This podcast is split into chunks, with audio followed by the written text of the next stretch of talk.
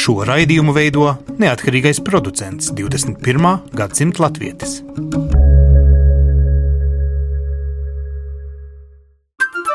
Lai kur mēs būtu, Lai kur mēs būtu, Lai kur mēs būtu, Lai kur mēs būtu, Tie esam mēs. tie esam mēs. mēs. Tie esam mēs. Mēs. Tas ir par mums. Tas ir par mums. tas ir par mums.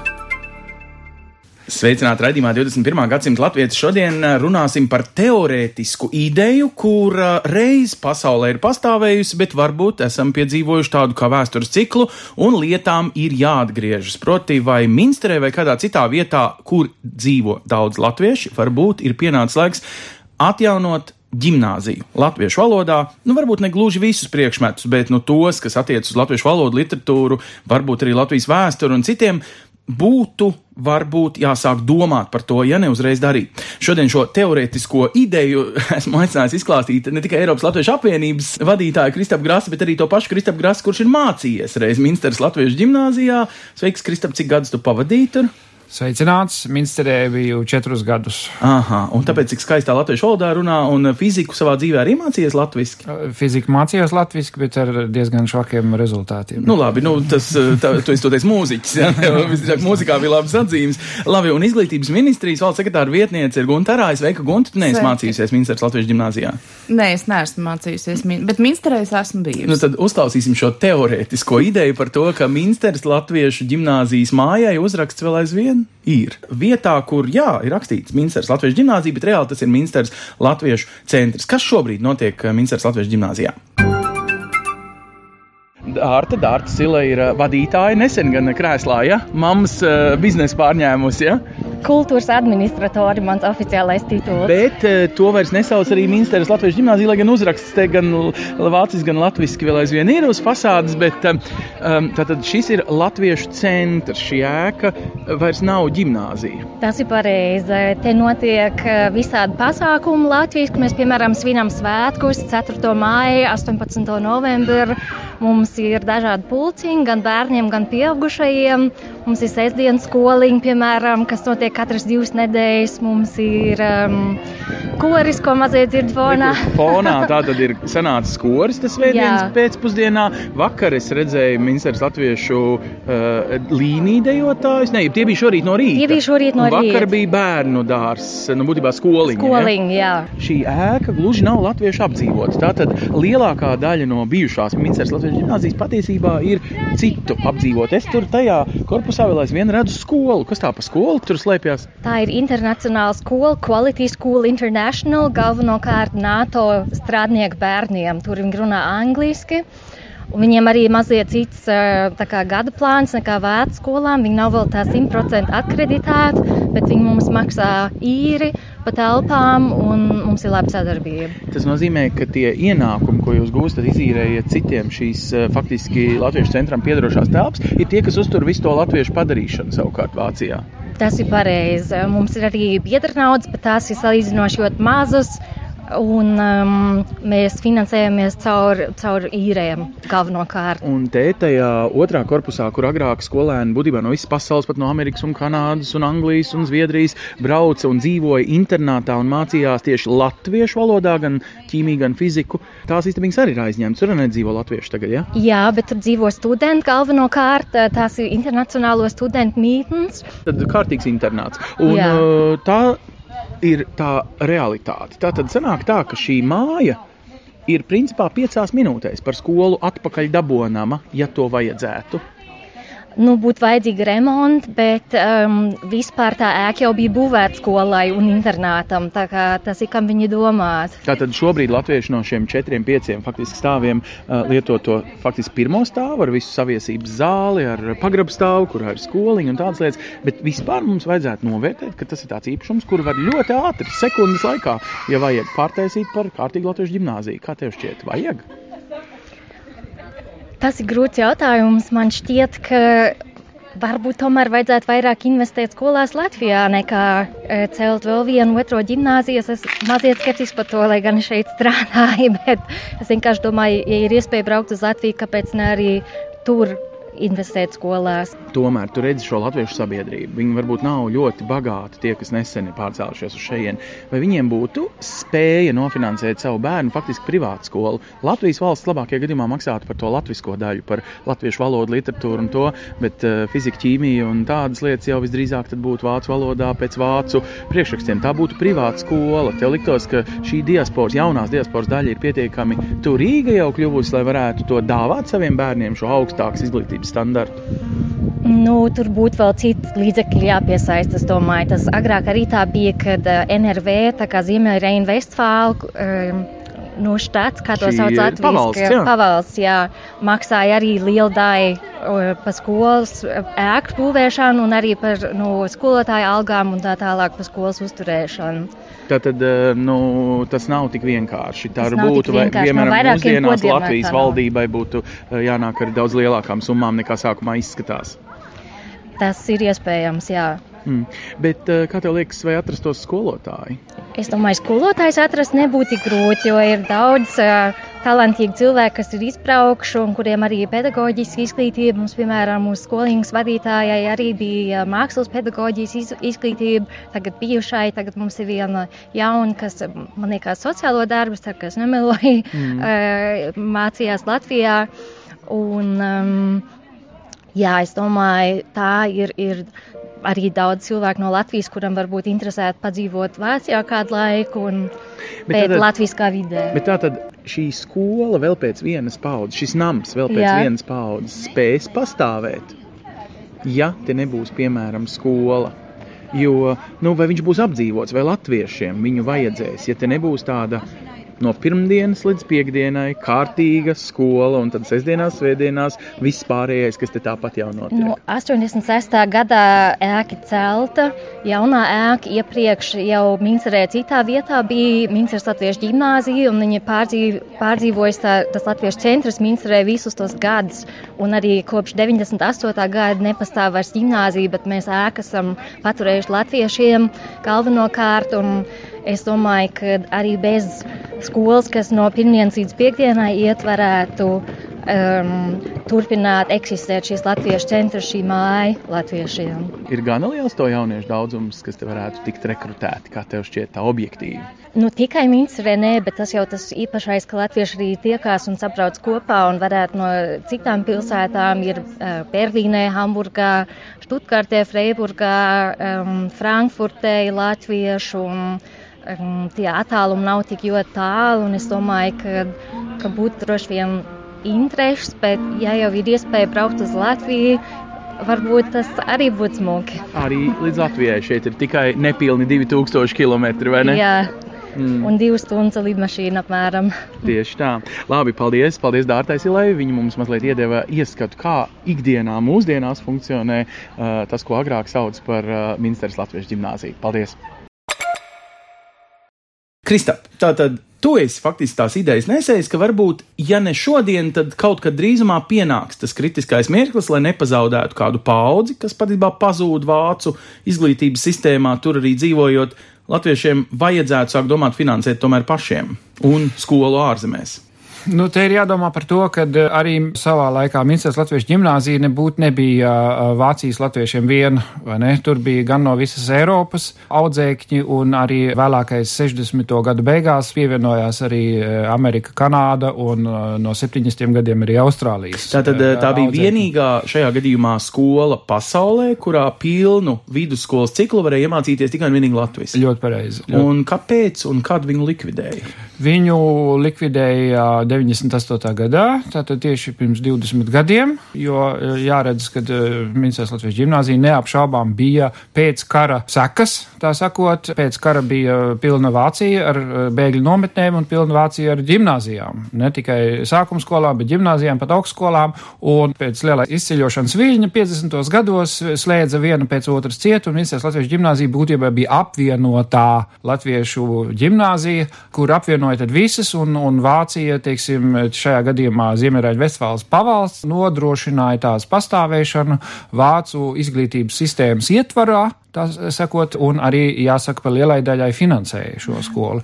90. gadu vidū radās tad sarunas starp Latvijas valsti un, un Vāciju, un bija runa par to, ka, nu, tagad būtu tas brīdis pienācis, kāda, teiksim, būtu Latvijas deva šīs ģimnāzijas uzturēšanā, un tobrīd bija citi laiki nekā tagad, un 90. gados Latvijas valsts sev neredzēja lielas iespējas finansiāli iesaistīties šādu projektu turpināšanā, un tā, nu, viņš pēc pāris gadiem apstājās. Ne tam dēļ, ka toreiz būtu bijuši pamazs skolā, skola bija līdzīgi pilna kā uh, iepriekš, ar, protams, piezīmi, ka lielākā daļa skolnieku toreiz nāca no Latvijas. Ah, redz kā, tā bija elitāra skola arī priekš Latvijas jauniešiem. Nu, tā arī ir, ir viens otrs Latvijā prominents skolēns, zināms, arī tu pats, vai ne? Labi, nu, tagad paskatīsimies no valsts domāšanas viedokļa. Gunta, nu, nav viegli par to runāt brīdī, kad Latvijas valsts slēdz daudzas skolas, nu, vienkārši bērnu trūkumu dēļ un atvērtu pilnas prakses skolu ar Latvijas un Vācijas nu, izglītības standartiem saskaņotiem un finansētu ārpus Latvijas valsts, tā no iepriekšējās budžeta loģikas izklausās nereāla doma. Varbūt tomēr pēc pieciem gadiem. Te gribās teikt, jā, ka laikam tam, kāpēc Minsterē šī latviešu ģimnāzija izbeidzās, bija tiešām div, divas lietas, ka Vācijas valdība bija pateikusi diezgan skaidrs, cik ilgi vēl viņi nodrošina iepriekšējā apmērā finansējumu, un tad, ja gribēja viņu turpināt, tas bija jāpārņem Latvijas valstī priekš tā laika, un es gribētu teikt arī šobrīd uzturēt pilna laika ģimnāziju Vācu izglītības sistēmā un pie Vācijas standartiem ir diezgan liels izaicinājums. Nu, bet pusģimnāzija, proti, ka fiziku mācītos pēc Vācu standartiem un latviešu valodu pēc Latvijas un varbūt pat arī līdzapmaksātiem standartiem, bet tas diploms būtu ar Latvijas valsts ģērboni, vismaz latviešu valodas daļā. Tad drīzāk tas modelis ir labāks, kāds arī tiek piedāvāts Eiropas Savienībā. Ja, piemēram, ir apdzīvota vieta, kurā ir pietiekami liela attiecīgi vienas dalību valsts pārstāvju koncentrācija, tad šajā skolā var mācīt latviešu valodu kā mācību priekšmetu. Nu, tad mums būtu tikai jāgādā par savu skolotāju. Viņi saņemtu, piemēram, to pašu Vācijas, īrijas vai Francijas diplomu. Īrijā būtu... tādi modeļi ir mēģināti pirms pāris gadiem, tur ir tas fenomens. Pirmkārt, īrijā bija atrodams viens latviešu valodas skolotājs ar visiem dokumentiem, nu tā tad legāls. Mm -hmm. Otrs, patiesībā īrijas pašvaldība pati to pieņēma savā skolā lēmumu. Jā, viņi to var darīt. Un tas pat nebija valstisks lēmums. Nē, Latvijā tas... ir tāda sarežģītāka sistēma, ja? Es domāju, ka Latvijā būtu precīzi tieši tāda pati situācija, un tā tas arī šobrīd notiek. Tās nu, tātad... skolas, kurās māca poļu valodu, vai tās skolas, kurās māca lietuviešu valodu, tās ir pašvaldības. Nu, re, jūs pati tikko teicāt lietuviešu. Lietuviešiem Jā. esot astoņas tādas lietuviešu gimnāzijas Vācijā, ko Lietuvas valdība līdzfinansē. Jā, viņi līdzfinansē tikai par valodas mācīšanas daļu un vēl, nu, dažādas mācību materiālus. Tieši to pašu viņi piedāvā arī Latvijas lietuviešu vidusskolai. Un pat pati, nu, principiālā tā, nu, lietuviešu daļa mm. valstu apmaksāta vai pašu iedzīvotāju apmaksāta, jo vienkārši svarīgi ir, kurš par to maksā, cik izklausās, nu, šī ideja Eiropas latviešos virmo, nu, ka valsts varētu nākt līdz Jā. maksājumā. Nu, zinot to modeli, kāds ir šobrīd, piemēram, ar Latvijas lietuviešu vidusskolu vai Latvijas igauņu pamatskolu vai puļu ģimnāziju ieskaitot, tātad tur tā ir principā pilnībā Latvijas valsts un pašvaldības dibināta. Mm. Valsts maksā pedagoģa algas, savukārt attiecīgās valsts valdība nodrošina ar mācību materiāliem attiecīgajām šī dzimtajā valodā un vēsturē un kultūras objektos vēl kaut kādas, nu, teiksim, regulāri šo valstu valdības piedāvā kaut kādu finansiālu atbalstu, lai aprīkotu skolas ar kaut kādiem mācību materiāliem, aprīkojumu un tādu. Tā, ne, nu, vismaz mūsu gadījumā, un cik es zinu arī no Lietuvas kolēģiem attiecībā uz Lietuvas gadījumu, tā nav tā situācija, ka šo skolu pilnībā finansētu Lietuvas valdība. Nu, labi, nu, Krista... Mums šobrīd tāds viens piemērs, kur mēs mēģinām sākt kaut ko darīt, ir um, Eiropas skolā Briselē jā. atvērt latviešu valodas plūsmu. Un tur ir pretestība. Un tur vecāki saka, nē, mēs jā, gribam palikt, pretest... lai viņiem ir franču valodas, vācu valodas un latviešu valoda tikai tādā pasīvā jā. veidā. Nevis mācīties latviešu valodā, piemēram, vismaz pusi no priekšmetiem. Nu, bet tas ir vienīgais un patiesībā sliktais piemērs tādā ziņā, ka tur patiešām Latvijas valstī ir jāfinansē pēc likuma, pēc Eiropas Savienības iestāšanās līguma. Ja? mēs to arī darām. Nu, protams, protams, mēs izpildām visas. Eiropas Savienības Bet prasības. es gribētu piebilst, ka tur situācija ir, ir nedaudz savādāka. Mm. Šajās vietās, kur, protams, tīri praktiski tas būtu vienkāršāk ieviešams, bet tik tiešām attiecībā uz kopienām, kas tur dzīvo, un tāpēc es uzsvēru arī, ka ģimnāzija nebija Vācijas latviešu eh, vai Minsteras kopienas skola, bet tā bija globāla skola. Tad, protams, savā ziņā var saprast tos cilvēkus, kas dodas tur, kur ir Eiropas skola, Brisele, Luksemburga, darba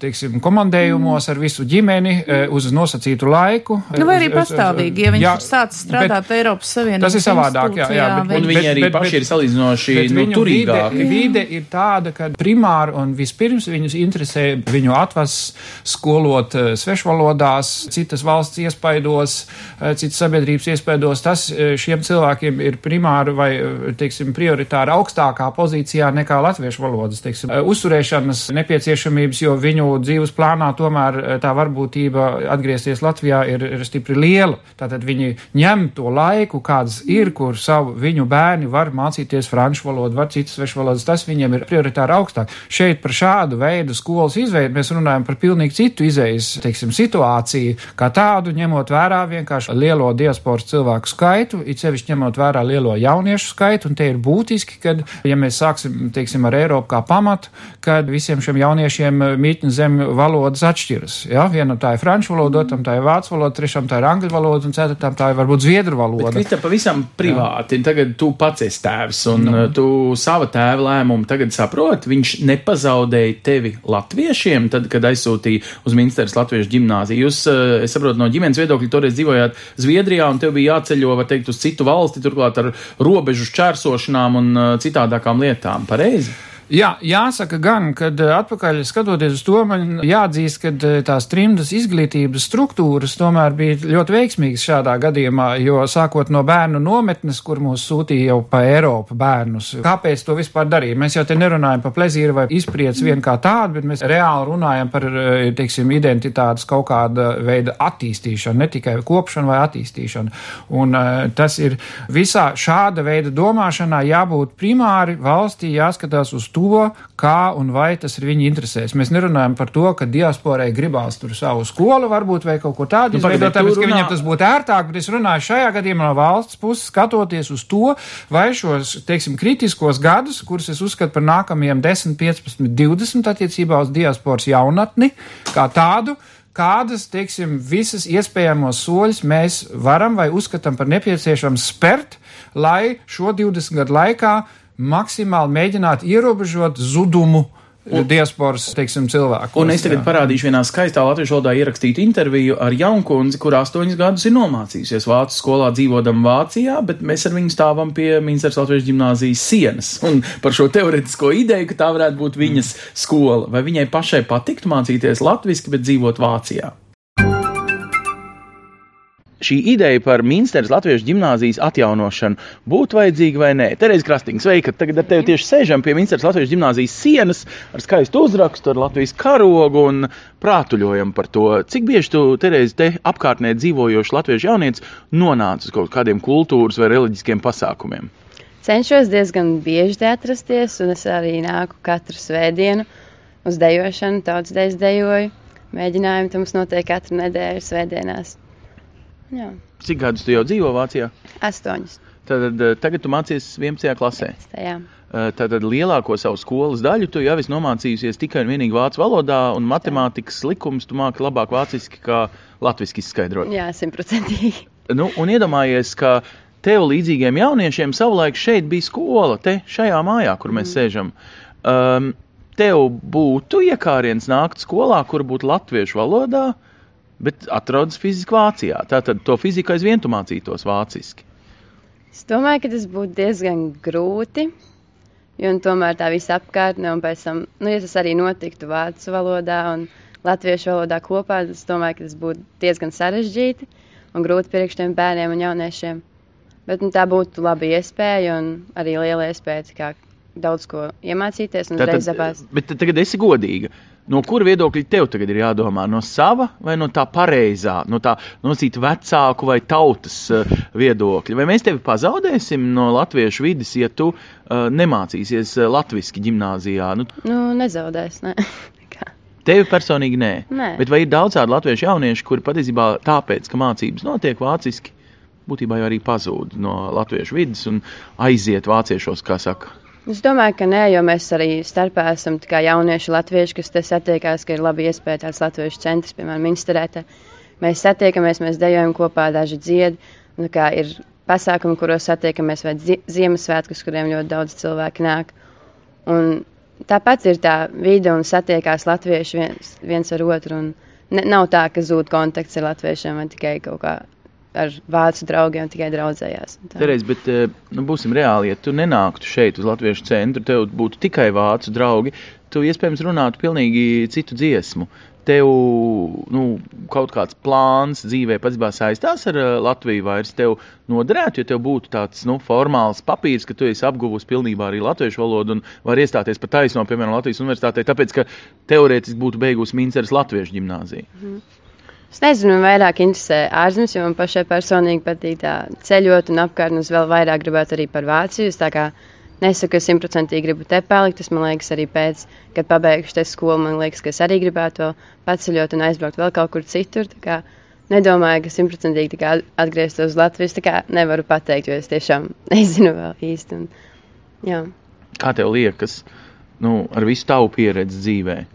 Ir kaut kāda doma, kāpēc latviešu valodā skolu varētu kāds cits, varbūt, kuram ir grūtāk nonākt līdz uh, x svētdienu pieredzēji Latvijā vai, vai tautsdejām vai kā uh, šeit pat Minsteras centrā, nu, ka uz viņu attiektos šīs skolas labums, nu, ka viņš aizvien saglabā abas savas valodas stipras, gan vācu, gan latviešu. Es domāju, ka tas arī palīdzētu, jo dažiem bērniem ir grūti arī nu, latviešu valodu iemācīties. Ir dažas ģimenes arī, kuras tā kā labāk, lai vecāki, piemēram, iemācītos vācu valodu, labāk runā vācu valodā vai kaut kā tā. Un, man liekas, tas būtu arī labi, ja nu, būtu tāda iespēja bērniem vairāk runāt tajā valodā, lai Kā- nepazustu viņi. Kā tu tagad pēc saviem astoņiem gadiem skolā domā, kad tu domā par mācībām? Tu pat aizno vāciski domā, vai tu caur latviešu valodu tulko uz vācu valodu? Nē, uzreiz vācu valodā man pārslēdzās pilnīgi, jo ceļā uz skolu visi jau tā kā sāk domāt vācu valodā. Un, Skolā arī viss notiek vācu valodā. Tātad latviešu tu domā tikai ģimenē. Jā, mājās tikai uzreiz, jo arī atpakaļ ceļā no skolas. Jo Bet tev vecāki ir pārslēdzas. konsekventi šeit. Viņi runā tikai latviešu mājās. Jā, mēs runājam visi tikai latviešu. Turpinot šo domu, vai jaunā paudze, kas tagad, nu jau, jā, tiešām citiem pat desmit gadu pieredze, faktiski visas skolas pieredze pagājusi Vācijā, nu, aizies tagad uz universitāti un būtībā tiešām varbūt ir zudusi. Gunta, vai mums ir nopietni jāsāk domāt, ka Anglijā, Vācijā, Norvēģijā veidojas grupas ar cilvēkiem, kuriem ir pilsonība, bet nojēga par latvisko identitāti ir maza, ja vecāki pie tā cītīgi nepiestrādā. Nu, tā laikam arī ir tā atbilde, ja vecāki pie tā cītīgi nepiestrādā, tad arī visticamākais, ka uz tādu latviešu vidusskolu kaut kur Eiropā tas bērns nenokļūs. Tā tad nebūs motivācija vecākiem. Jā, jā, ja vecākiem nebūs motivācija un ja tas, teiksim, netiek darīts pietiekami agri un pietiekami intensīvi, un ir vēl viens aspekts, kuru nevajag aizmirst un kas arī bija ļoti tāds būtisks tajā brīdī, kad mēs runājām būt vai nebūt, turpināties vai neturpināties Minsteras ģimnāzijai. Kaut kādu divu, trīs gadu laikā, kā jau Kristaps minēja, bērnu sastāvs nomainījās pilnībā, un, un faktiski tie nebija vairs ne Vācijas latviešu bērni, ne Eiropas latviešu bērni, ne pasaules latviešu bērni. Viņi bija pa kādam. Tie pamatā bija bērni no Latvijas kuriem varbūt dažādu iemeslu dēļ tā bija iespēja aizbraukt uz Vāciju mācīties. Nu, savā ziņā elitārāka skola. Savā reāli. ziņā, jā, doma, ka tā būs elitārāka skola, un tad tā atklāsme, ka ar šo vidusskolas diplomu, pat man liekas, pēdējā gadā tur bija grūtības ar šo pilno Vācijas abitūru dabūšanu, ka ar šo diplomu nevar iestāties jebkurā universitātē. Bet tas viss ir nokārtojums, Jā, jā. savukārt runājot ar Eiropas latviešiem, kas tajā brīdī vēl bija trimdas latviešu pamatā. Runājot par to, kāpēc viņi savus bērnus nesūta, viņu tā atbilde bija tāda man ļoti interesanta. Viņi saka, kā, bet līdz Rīgai taču var atlidot trīs stundās. Jā, tas mani netraucē, ja mans bērns to gribētu, vai es to gribētu atsūtīt viņu uz Rīgu, uz vidusskolu. Bet piekrītiet, toreiz arī kritiskā jā. masa jā. bija daži desmit tūkstoši jā. latviešu uh, Eiropā. Tagad mums ir vairāki simti tūkstoši latviešu Eiropā. Tātad kritiskās masas pieaugums tie ņuņas jau vienmēr būs, bet tie darītāji un tie gribētāji mm. saglabāt, arī viņiem gal galā Minceres latviešu skolā mācījās 60 līdz 100 bērni visās klasēs kopā. Nu, tātad mēs varam teikt, ka viņa tāpat jau nebūtu arī nebūtu liela. Daudz, jā. Labi, bet pat ideja. Kā jums liekas, Gunta, uzsākot kaut ko tādu, Latvija vienkārši vēl kā 34. Mm. bagātākā valsts pasaulē nevar to atļauties? Es tā tīri personīgi man šķiet, es nedomāju, ka mēs nevaram to atļauties. Tas jautājums ir, kā to labāk organizēt. Vai to organizēt tā, kā tas bija Minsteras Latviešu ģimnāzijā, vai tomēr iet to ceļu, kā arī šobrīd mums ir Lietuviešu vidusskola Rīgā, Pūļu ģimnāzija mm -hmm. Reizaknē, un, un kā Lietuvieši to dara, piemēram, kad tā, tiešām tajās vietās, kur ir pietiekami liela tā koncentrācija, tur piedāvā latviešu valodu kā mācību priekšmetu. Kristap, kā tas finansējums to... būtu? Jaunajā diasporā ir gana uzkrātais kapitāls, lai viņi būtu ar mieru arī līdzfinansēt, jo tā būs faktiski privāta skola, kur nāks nāksies arī maksāt pašiem līdzmaksājumus vecākiem. Ja, ja mēs ņemtu pa piemēru Lietuviešu ģimnāziju Vācijā, ja, kas e, bija paralēli mm -hmm. Latviešu ģimnāzijai, bet viņi turpināja pastāvēt un pastāv vēl šodien. Tā ir Bāden-Vittenbergas pavalsts viena no labākām privātskolām. Viņi ir bilinguāli, tur arī ir vācu bērni tādēļ, ka tā ir augsts līmeņa skola kā tāda. Tas vienmēr jau tāda ir bijis, kad, teiksim, sūtīt uz šo skolu nozīmē arī labu izglītību. Tāpēc tur arī nāca no Kanādas, no Amerikas Amerikas lietuviešus, tāpēc, ka viņi, viņi zināja, ka ļoti labi vācu valodu iemācīsies tur, jo līmenis ir nepieciešams, lai vispār varētu skolu noslēgt. Ja? Uz gimnāzijas, Latvijas gimnāzijas beigu posmu vispār tas arī sāk virzīties uz to pusi, ja? mm kad tur jāceļ līmenis. Šeit būtībā mēs runājam arī eh, par to, Latvijas gimnāzija Vācijā neuzrunā vācu lietuviešu kopienu vien. Viņi vēl aizvien iet pāri robežām neapšaubām. Ja? Tas nav tādēļ, jo viņi ir pilnīgos laukos ārpus pilsētas, ja tur nav tā, ka tur būtu tik daudz lietuviešu, un tādēļ būtu loģiski, kāpēc tur būtu tā skola. Tam ar to nav nekāda sakara. Šeit mēs toties runājam par to vienkārši atgriezt laiku ratu apakaļ, vērt ministrs durvis vaļā tādēļ, ka viņi mums tur tādas telpa ir, tādas ēkas ir. Tas nebūtu eh, pareizais veids, kā tam pieiet. Kas mums šeit ir vajadzīgs? Mums ir vajadzīgs izglītības centrs drīzāk. Mums ir vajadzīgs izglītības centrs, kas strādā sazobē ar izglītības un zinātņu ministriju, ar Eiropas un pasaules eh, vasaras skolām, kādas ir saistītas, kur mēs, teiksim, makšķerējam sākotnēji šos jauniešus vispār piesaistīt tādai domai, kā tādai šai skolai būtu jābūt ļoti augsta līmeņa kvalitātei, viņai būtu jābūt sazobē ar vietējo universitāti, ar Latvijas universitāti, mums jābūt pilnam ciklam būtībā izējot no vasaras nometnēm, vasaras skolām, pilnlaika ģimnāzija un Latvijas universitāti kā mērķi, kur šos jauniešus aizdabūt. Nu, labi, ja? man vairākos raidījumos, kad es prasu šiem jauniešiem, kaut vai no īrijas vai Anglijas, vai jūs gribētu braukt uz Latviju, ja jums nebūtu šis latviešu valodas certifikāta mm. trūkums un studēt savā pirmajā, otrajā kursā? Latvijas universitāte nav seksīgākā. Viņu acīs viņi grib tad uz Ameriku braukt. Īrijas jaunieši, jo viņiem ir angļu valoda galvā un domāšana. Tādā ziņā tas ir arguments, kādā valodā tu domā, tādā valodā tu turpini mm. dzīvi. Ja skolas laikā tu iemācies domāt. Gunta, kā ir? Šogad arī pirmo reizi Latvijas valsts ir līdzfinansējusi Eiropas vasaras skolu un Amerikas Latviešu vasaras skolu Garazarā un šeit um, Kandavā šogad, sūtot savus skolotājus no Latvijas. Patiesībā jūs esat sākuši iet to ceļu, tikai varbūt ne tik ātri kā Kristaps jau rāda to gaismu, kas jāsasniedz. Nu jā, tas ir pirmais solis vispār viņus nepazaudēt, jo tas, kas mums ir izveidots varbūt pa šiem gadiem tā ļoti labi, un ja budžets būs nākamgad tāds pats kā šogad, tad arī varēsim turpmāk to atbalstīt atbalstīta, bet tā doma ir bijusi tāda, ka mums ir diezgan labi izveidojies tām mazajām nedēļas nogals skoliņām, kur ir bērni no 5, 4, 5 gadiem līdz kaut kādiem varbūt 11, tie 12 plus, tad viņam tā ir iespēja nevis katru sestdienu, svētdienu, jo gan jau, ka viņam ir ko darīt arī savā dienas skolā un kaut kas arī pa brīvdienām ir jādara, bet ka viņš tās trīs nedēļas, viņš tiešām intensīvi ar to latviešu valodu ņemās tur un mm -hmm. nu, mācās vēsturi, mācās geogrāfiju, iep iepazīstās viens ar otru.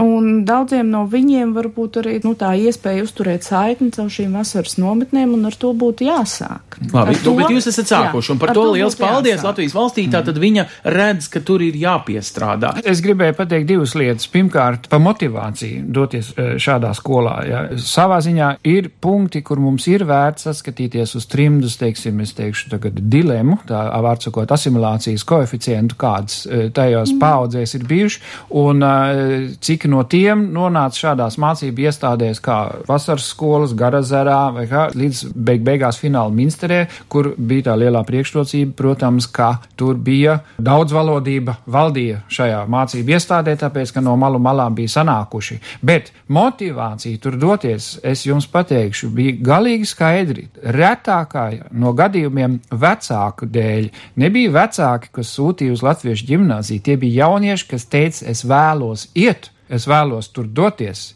Un vecāki teica, nu, tiešām, vai tas ir nepieciešams? Tie domāja, nu, Bet tie bija tie iegūtie draugi, tajās nometnēs satiktie tieši tā. draugi Tā- tā- turpinājās tā tu skolā. Pats tev nācās pārliecināt vecākus, ka tu vēlies doties uz šo skolu, ka tu turpinās šajā ļoti labā vācu ģimnāzijā Iedomājies, vai Zviedru ģimnāzijā, kur klasē, tu bet biji. desmitajā Bet jā, klasē tu tieši tā, tu izdomā, tu gribi pavadīt laiku ar saviem vienaudžiem, ar latviešu no malu malām. Tas bija punkts viens. Otrs punkts, protams, kad no tiem, kas nebija aizgājuši, arī tādi, kas beidz ministra skolu, nebūsim tur naivi, arī aizgāja pēc tam Vāciešos. vāciešos vai kaut kur citur neapšaubām, bet tomēr izauga veselas paaudzes arī vadītāju, līderu tā starpā, ja nav jārunā, kad eh, es beidzu ministru vai arī šī raidījuma producents, mm, Lukas Rozīts beidz ministru vai uh, Ilmārs Leņš, uh, mēs varētu turpināt, Egils Levits beidz ministru, Krišāns Kariņš, uh, šis saraksts būtu garš. Tam ir Kārlis bijuši, saka Kārlis Streips, jā,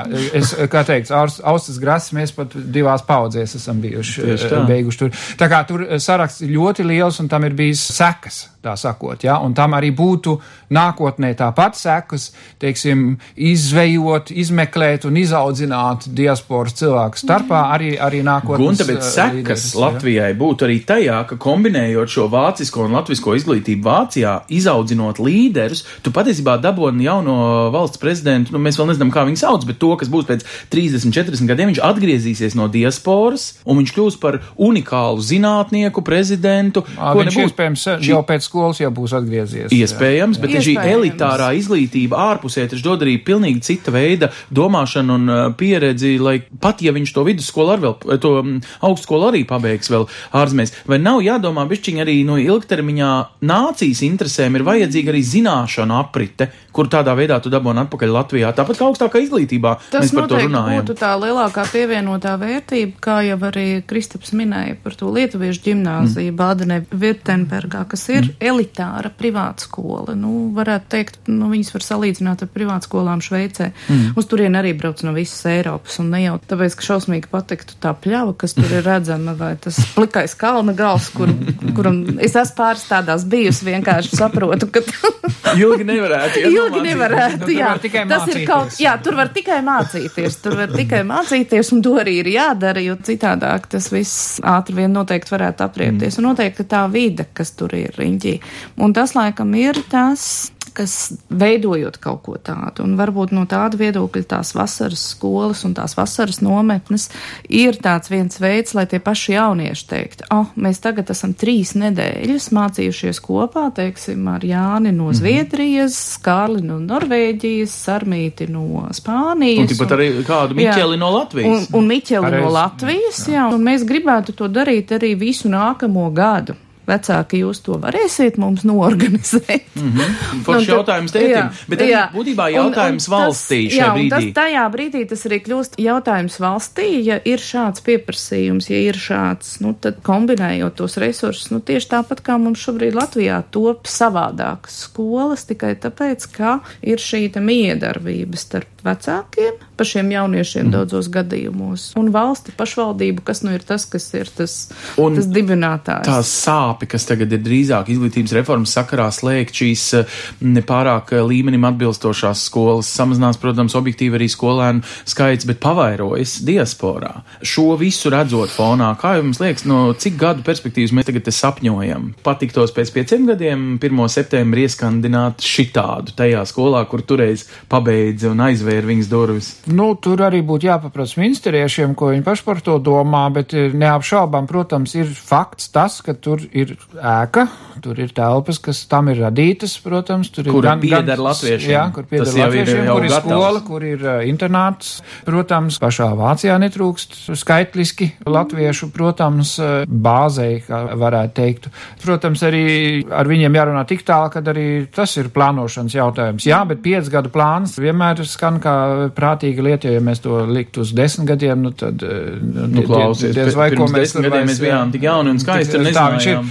Tā viņš ir. Tā, tā, tas arī ir saistīts ar ko sākumā teicu, ar tiem 10, 15 kritiskiem gadiem, kas mums tagad eh, attiecībā uz šo diasporas paudzi, teiksim, tagad ir sagaidāmi, kur šādas aktivitātes vai nu būs izvedams vai nē. Šie būs tie gadi, kur mēs redzēsim, vai diaspora būs Latvijai, teiksim, cikliskā mīja darbē, nevis kritiskā masa, kas tikai zūd un zūd, bet eh, mēs nerunājam ar par to, ka mēs visus dabūsim apakaļ vai zināmu procentu dabūsim apakaļ, bet mēs runājam par to, ka šā laika eh, iespēja robežās cilvēki varēs būt gan šeit, gan ārpus valsts, gan atkal atpakaļ šeit, gan attālināt darbojoties šeit, gan uz laiku šeit. Es domāju, notiks liela kustība.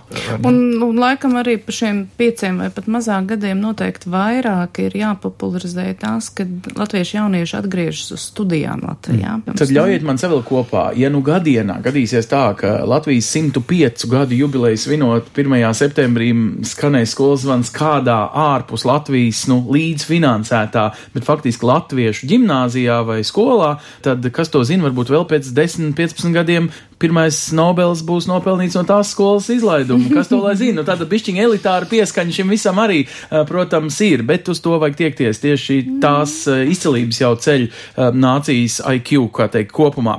Šī teorētiskā saruna, es ceru, ka materializēsies, un es gribētu būt savā ziņā tajā 1. septembrī klāt un ar reportāžu, protams, savā ziņā priecāties līdzi. Es ceru, ka arī jums iepatikās šī doma, vismaz apdomāt, vai kritiskā masa un citas pasaulīgas eh, realitātes nav nostājušās tā, ka mums ir jāsāk domāt vienkārši savādāk un darīt. Radījumā 21. gadsimta latviešu katru nedēļu mēs atvadamies ar mazu ieskatu, ko šajā nedēļas nogalē varētu darīt latviešos, lai kur mēs arī būtu. Tiekamies pēc atpakaļas nedēļas uz redzēšanos!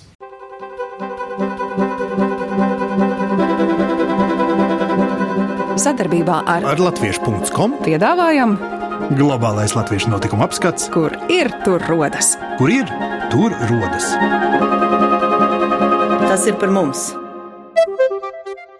Šajā nedēļā Amerikas Latviešu apvienība kopā ar vietējām organizācijām rīkoja priekšvēlēšanu diskusijas trijās ASV pilsētās. 7. septembrī tās notika Vašingtonā, 8. septembrī Ņujorkā, savukārt šodien, 9. septembrī, Āla tautiešus un politiķus pulcina Čikāgā. Šogad ASV ir izveidots rekordliels skaits iecirkņu - 21 iecirknis 16 pavalstīs un Kolumbijas apgabalā. Tas ir lielākais vēlēšanu iecirkņu skaits vienā valstī ārpus Latvijas. Amerikas Latviešu apvienība aicināja diskusijās piedalīties pārstāvis no visu 16 centrālajā vēlēšanu komitejā iesniegto deputātu kandidātu sarakstiem, taču savu dalību apstiprināja vien sešas partijas. Tikšanās laikā kandidāti sniedza savu redzējumu par jautājumiem, kas ir svarīgi gan Latvijas iedzīvotājiem, gan arī tiem, kam dzīvojot citviet, nav vienaldzīga Latvijas attīstība nākotnē. Visus video no diskusiju tiešraidēm ir iespējams noskatīties Amerikas Latviešu apvienības sociālās tīklošanās vietnes Facebook lapā. Tāpat politikas jautājumi latviešu kopienās ārpus Latvijas tiks apspriesti arī nākamajā nedēļā. Eiropas Latviešu apvienība, Latviešu Nacionālā padome Lielbritānijā, Daugavas Vanagu fonds Lielbritānijā un portāls Anglo Baltic News aicina politiskās partijas un apvienības uz pirmsvēlēšanu debatēm diasporā. Tās notiks piekdien, 14. septembrī Londonā un sestdien, 15. septembrī Latviešu centrā Straumēni Lesterā. Debašu mērķis ir radīt iespēju diasporas vēlētājiem iepazīt politisko partiju vai apvienību piedāvājumu, klātienē uzdodot konkrētus vēlētājiem būtiskus jautājumus. Diskusijas apmeklēt aicināti visi interesanti no Latvijas valsts piedarīgo kopienas Lielbritānijā, tā skaitā sabiedrisko organizāciju, skolu un māksliniecisko kopu dalībnieki, studenti, pētnieki, uzņēmēji un citu nozaru pārstāvi. Sadarbībā ar Latvijas televīziju pirmo reizi ārpus Latvijas tiks veidota tautas panorāmas reportāža par Londonas vēlētāju noskaņojumu un priekšlikumiem, kā arī no straumēnu priekšvēlēšanu debatēm nodrošināta sabiedriskā mēdī tiešraide LTV1 ēterā. Savukārt Latviešu kultūras biedrība Saime Študgartē sestdien, 15. septembrī, aicina uz tikšanos ar Latvijas Universitātes sociālo zinātņu fakultātes dekānu, politikas zinātnes nodaļas profesoru Juri Rozenvaldu. Saruna būs par politisko situāciju Latvijā, par priekšvēlēšanu programmām un aģitāciju, kā arī tiks apspriesta diasporas nozīme un politiskā līdzdalība. Tāpat tautieši daudzās pasaules valstīs aicināti iesaistīties dažādos kultūras pasākumos. Ceturtdien, 13. septembrī, Hamburgā norisināsies Danču vakars Latvijas simtgades zīmē. Piektdien, 14. septembrī, Latvijas vēstniecība ASV aicina uz lekciju Nebraskas Universitātē Kārlis Ulmanis cilvēki, kas veidojuši Latvijas simtgadi. Vieslektori Latvijas valsts arhīva pārstāvis Jānis Šiliņš un Latvijas lauksaimniecības universitātes pārstāvis Juris Plēsums stāstīs par Kārļa Ulmaņa lomu Latvijas vēsturē un saistību ar Amerikas Savienotajām valstīm. Tikmēr Beļģijā, Briselē no 14. līdz 16. septembrim norisināsies komiksu festivāls, kurā piedalīsies trīs Latvijas autori Lotte Vilma Vītiņa, Mārtiņš Zutis un Rebeka Lukošus, kā arī komiksu žurnāla un izdevniecības kuš līdzdibinātājs un redaktors Dāvids Šilters. Festivāla laikā būs iespēja iepazīties ar jaunāko Latvijas komiksu mākslā, kā arī iesaistīties mākslinieku vadītajās meistarklasēs. Sestdien, 15. septembrī Brēmenē norisināsies Ziemeļvācijas latviešu sajiets Latvieša azartu varēs izbaudīt sapazīšanās erudīcijas spēlē par latviešu tradīcijām Pūrlāde, tāpat gaidāma sadziedāšanās un sadancošanās ar rīta rases muzikantiem no Berlīnes. Sarīkojumā piedalīsies Latvijas vēstniece Vācijā Inga Skuiņa, Latvijas goda konsuls Brēmenē un Lejas Saksijā Lūcis Pepers, Eiropas Latviešu apvienības priekšsēdis Kristaps Grasis. Savukārt Zviedrijas Latviešu apvienības Stokholmas nodaļa aicina uz teātra izrādi Mēs un mūsu sieva Lumās Aida Ozoliņa, Jānis Kirmuška un Imants Vekmanis. Izrādes režisore ir Indra Vaļaniece. Plašāku informāciju par daudziem citiem gaidāmajiem notikumiem, kas saistoši visā pasaulē dzīvojošajiem latviešiem, meklējiet portālā latvieši.com notikumu sadaļā, 21. gadsimta latvietis Facebook lapā, kā arī daudzās, jo daudzās latviešu kopienu mājaslapās pasaulē. Raidījumu veido Ancis Bogustovs, Paula Gulbinska, Arta Skuja un mūsu ārzemju korespondenti. Raidījuma producents Lukas Rozītis.